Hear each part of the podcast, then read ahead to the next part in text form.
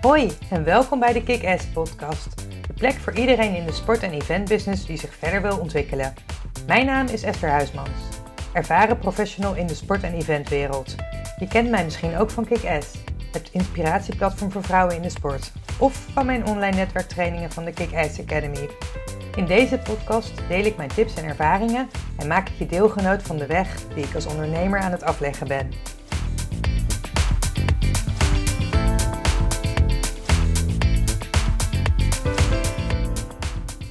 Een van de meest gemaakte fouten die ik mijn klanten zie maken is het te doen van veronderstellingen. Het invullen voor de ander. En ehm, zelf heb ik, zoals je misschien wel weet, inmiddels zo'n 20 jaar eventervaring. En als er in die wereld iets een doodzonde is, is dat het doen van veronderstellingen. In mijn uh, eerste event dat ik werkte voor de KNVB, um, ik heb het al een keer eerder in een podcast uh, omschreven, toen was ik verantwoordelijk voor de organisatie van een persconferentie. En ik had nog nooit een persconferentie meegemaakt en uh, ik wist eigenlijk niet zo goed wat, wat er allemaal bij kon kijken. Maar ja, dat ga je dan navragen en op zich ben ik wel een organisator. Dus op het moment dat jij de juiste informatie hebt, dan weet je ook wat er daadwerkelijk geregeld moet worden.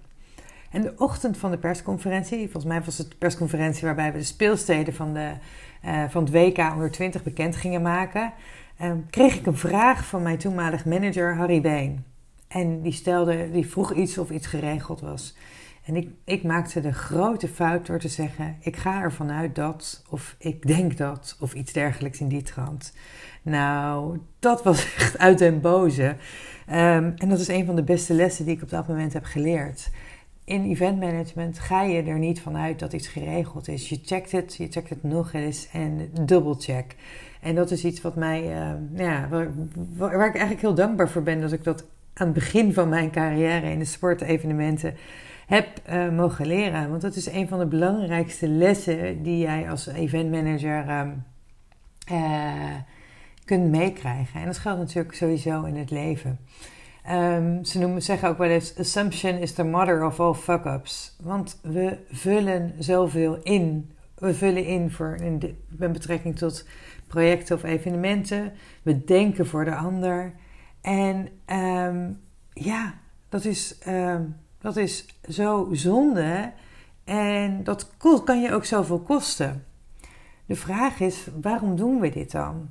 Uh, bijvoorbeeld als jij een mailtje stuurt en je krijgt geen reactie, dan krijg je meteen zoiets: oh, ze zullen het wel niet interessant vinden. Ze zullen wel niet mee willen werken. Of ze zullen me wel niet willen.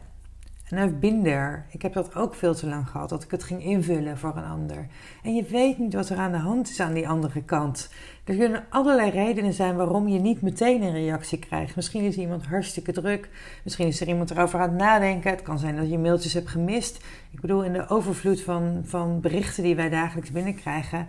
Is het niet bij jou wel eens voorgekomen dat er iets tussendoor schiet... waar je misschien wel op had willen reageren... maar wat gewoon, ehm, ja, je even is ontgaan. Er zullen allerlei redenen zijn waarom de ander niet reageert. En stop met het invullen daarvan voor de ander. Tegenwoordig ga ik dus ook gewoon in de herhaling als ik echt iets wil. En uh, ja, tot op zekere hoogte. Want als ik op een gegeven moment na zoveel keer geen reactie krijg, dan kan het zijn dat ik het uh, laat schieten. Ik weet dat uh, ik ooit een training volgde in, in Engeland. En daar zei de sales, het was iemand die heel goed, echt een, een sales expert. Um, en die zei: Ja, ik ga gewoon door, want ik heb het idee dat ik iets te bieden heb voor mijn klant. Hij, hij, was, hij uh, is daarin ook geweldig. Hij zegt: Ja, ik zeg: Ik ga door met het uh, aanbieden van mijn aanbod tot ze zeggen: Fuck off and die. dus dat was een hele heftige. Maar, um, dus ja, dat is iets waar, waar, um, waar jij wat mee kan. En hij is niet iemand van de hardselling. Dus juist van het leveren van een dienst en, en stellen van vragen. En daardoor en weten dat hij iets te bieden heeft aan zijn klanten. Waardoor zij stappen verder kunnen zetten. Dus daarom zegt hij ook, ik ga daarmee door. Nou ja, het is natuurlijk aan jou om te bepalen tot hoever jij dat doortrekt. Als jij iets wil. Maar um, ja, zoals ik bijvoorbeeld ook mensen... Ik krijg natuurlijk regelmatig de vraag van mensen die ook iets in de sport willen doen. Of ook willen wat ik uh, heb bereikt met al mijn toernooien en dergelijke. En bij de eerste teleurstelling of de eerste nee haken ze al af. En dan is de vraag natuurlijk, hoe graag wil je het? Dus ehm, ja, houd dat in gedachten. Dus ik ga tegenwoordig vaak in de herhaling. En wat ik al zei, hoe vaak is het niet zo dat iemand gewoon een mail gemist heeft, vergeten is te reageren of er gewoon nog niet aan toegekomen is. En dan kun je dus denken, ik wil die persoon niet lastigvallen. Of je kunt het andersom draaien. Ik stuur gewoon nog even een reminder als service vanuit mijn kant. Zelf ben ik daar ook blij mee. Soms mis ik gewoon bepaalde mailtjes. Uh, of het is gewoon, ik zeg, het is me gewoon ontschoten. En denk ik, oh wat fijn dat ze even een herinnering sturen. Want um, uh, dit is waardevol of hier kan ik wat mee. Of uh, oh ja, ik moest nog even reageren. En dat is bijvoorbeeld met mijn inspiratieboost ook het geval. Um, daar kan ik ook veronderstellingen doen van, oh ja, maar ik wil mensen niet lastigvallen. Of, uh, want ik doe er bijvoorbeeld eigenlijk altijd een commercieel aanbod in. 80% van mijn uh, mail is meestal waarde, 20% is commercieel. Ja, dat is natuurlijk ook mijn verdienmodel. En ik weet dat ze heel waardevol zijn en dat het gratis inspiratie is. Die krijg je hier, die krijg je in mijn podcast. Um, en ik doe dus ook een aanbod. En het kan zijn dat mensen dat dus niks vinden en zij mogen zich dan uitschrijven. Vroeger vond ik dat echt uh, niet leuk om uh, mee te maken. Tot ik op een gegeven moment ook daarin hoorde: ja, um, als je eerste uitschrijvers hebt, uh, dan is dat alleen maar heel positief. Dus een soort bingo-kaart van wat je als ondernemer allemaal moet, moet meemaken. En eerste uitschrijvers is iets heel goed, want dat betekent dat jij misschien mensen niet aan, uh, aanspreekt, maar dat je ook juist mensen wel weer aanspreekt. Dus het is heel, iets, iets heel positief. En tegenwoordig doe ik vaak nog een extra reminder. En ik weet dat ik dat zelf nog veel meer mag doen. Um, ja, dus, dus daarin heb ik ook weer nog stappen te zetten. Maar mensen hebben sowieso meerdere contactmomenten nodig voordat ze actie ondernemen, voor wat dan ook. En we krijgen per dag zo ongelooflijk veel voorbij, dat de kans ook nog eens vrij groot is dat je betreffende boodschap helemaal niet hebt gezien. Dus dan kan ik ervan uitgaan, oh ja, maar ik heb het al twee of drie keer uh, gemeld. Nou, ten eerste is de vraag, heeft de ander het überhaupt gezien? Uh, daarnaast... Is het dat moment het eerste actiepunt. Misschien kwam er even tussen, iets tussendoor, een telefoontje, ben je afgeleid of, of ik weet niet wat. Ik merkte vandaag, kreeg ik eens een melding van, um, van een kaart die ik uh, dacht verstuurd te hebben. En ik kreeg ineens een melding dat hij nog in het boodschappenwinkelwagenmandje stond. En ik vond het al zo raar dat ik helemaal niks had gehoord van die persoon, want die had ik nog gesproken, voor de verjaardagskaart. En toen bleek dus dat hij gewoon helemaal niet verstuurd was. Dus ja, dat zijn van die dingen die, uh, die kunnen gebeuren. Nou, ik was hartstikke blij dat ze dat stuurde. En toen dacht ik, oh ja, ik kan het nog even, ik, ik kan het nog eventjes uh, in orde maken. En uh, nou, wat ik al zei net, ja, er komen zo, komt zoveel voorbij. Dus zeker op social media en mail is het echt lastig om een persoon te bereiken. En dat kan dus beter via bijvoorbeeld DM of WhatsApp. En dat is natuurlijk wat arbeidsintensiever. Dus dat is ook een keuze die je moet willen maken. Maar ehm, maar ga het niet invullen voor de ander. En wat ik al zei, ik, zeg, ik kan dus de veronderstelling maken. Ik kan het enerzijds zeggen, moet ik nou mensen weer lastigvallen? Of denken, ik heb iets heel waardevols te bieden. En wie dat wilt, die, die kan verder lezen en de rest niet. Mijn ideale klanten, die lezen graag verder. En ook al kan het zijn dat het aanbod voor hen op dat moment niet relevant is, ze blijven toch wel. En op het moment dat mensen zich daarom uitschrijven, dan is dat ook niet mijn ideale klant. Of misschien is het op dit moment nog niet mijn ideale klant. Dat kan ook nog, want ik zie ook mensen die dan weer terugkomen op een gegeven moment. Heb ik zelf ook gehad bij bepaalde personen.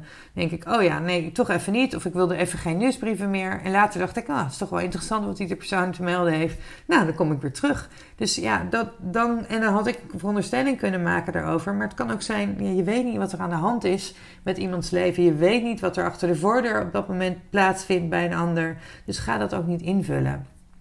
En een van mijn klanten had bijvoorbeeld een, uh, uh, daarbij ook een voorbeeld. Die had aan het begin van de pandemie had zij een opdracht.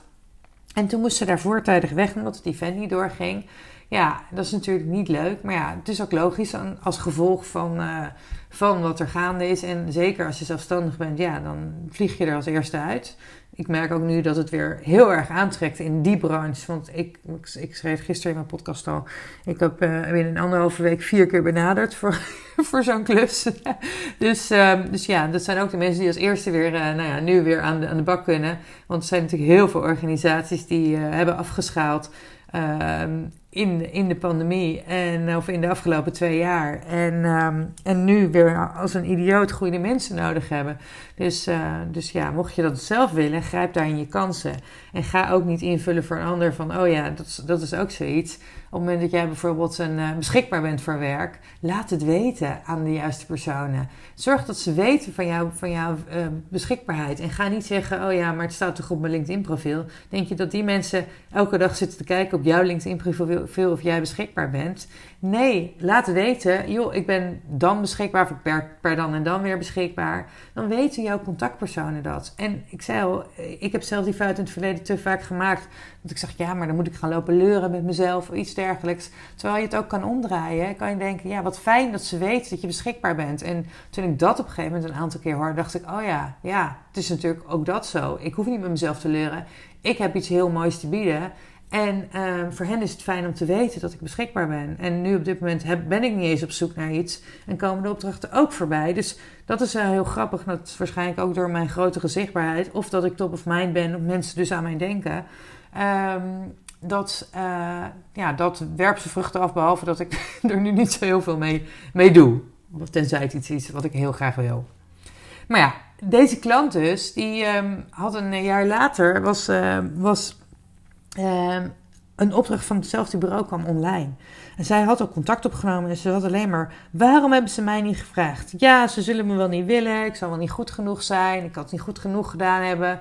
Zij was er eigenlijk al klaar mee, want ze had gemaild, ze had niet echt een reactie gehad. En op een gegeven moment kreeg ze een reactie: ja, dit is niet iets voor jou. Dus ja, dan ging ze van alles invullen. En ik zei dus ook: is dat zo?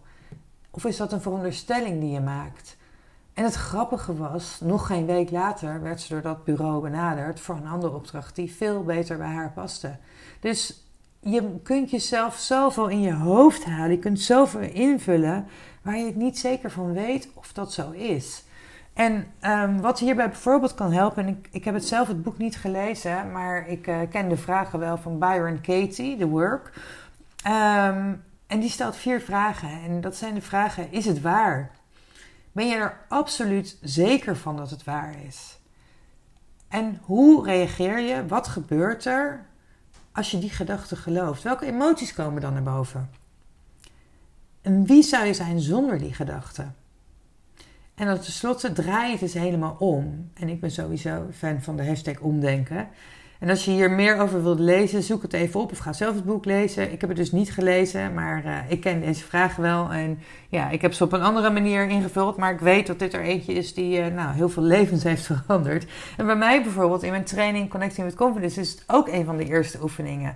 Ik vraag daarin waarom mensen de training hebben gekocht. Nou, en ik kreeg bijvoorbeeld van één iemand antwoord: ja, ik wil opdrachten halen uit mijn netwerk. Waarom ben je er dan nog niet? Nou, hij kwam erbij. LinkedIn is leuk, maar het heeft me nog nooit een opdracht opgeleverd. Op berichten wordt regelmatig helemaal niet gereageerd en dat vind ik lastig. Dus ik vroeg, nou, wat is dan jouw waarheid of jouw perceptie? Hij zei, mensen vinden mij en mijn aanbod niet interessant genoeg. Dat is wat hij dus, uh, deze persoon dus op dat moment dacht. En zei ik, ja, zet het eens om naar een helpende gedachte. En toen heeft hij ervan gemaakt: ik, vind het of ik ben interessant genoeg en mijn aanbod ook. Het is nog geen oogsttijd, maar het duurt niet lang meer. Nu doorzetten. Gisteren een mooie metafoor gelezen. Het is als de kast die je leeg trekt, trekt om op te ruimen. Als je halverwege in de puinhoop stopt, zal het een puinhoop en teleurstelling blijven.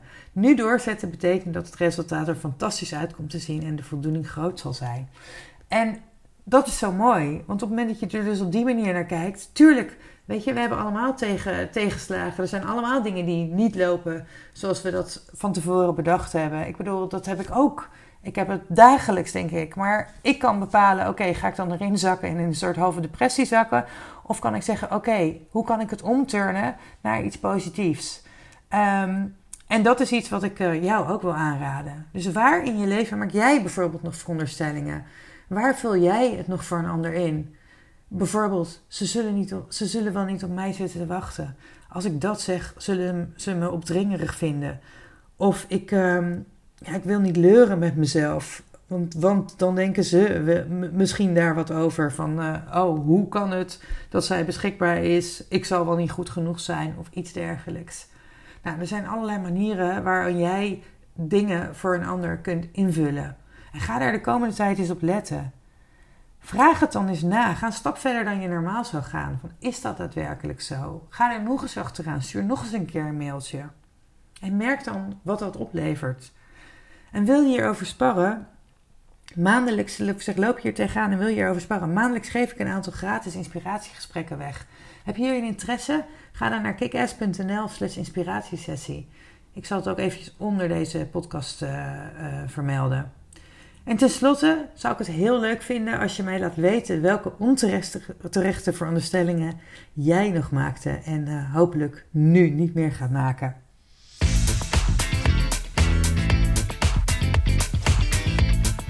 Dit was de aflevering van vandaag. Heel erg bedankt voor het luisteren. Vond je deze aflevering waardevol? Dan zou het heel fijn zijn als je een review wilt achterlaten op iTunes of op Spotify. Tot de volgende keer!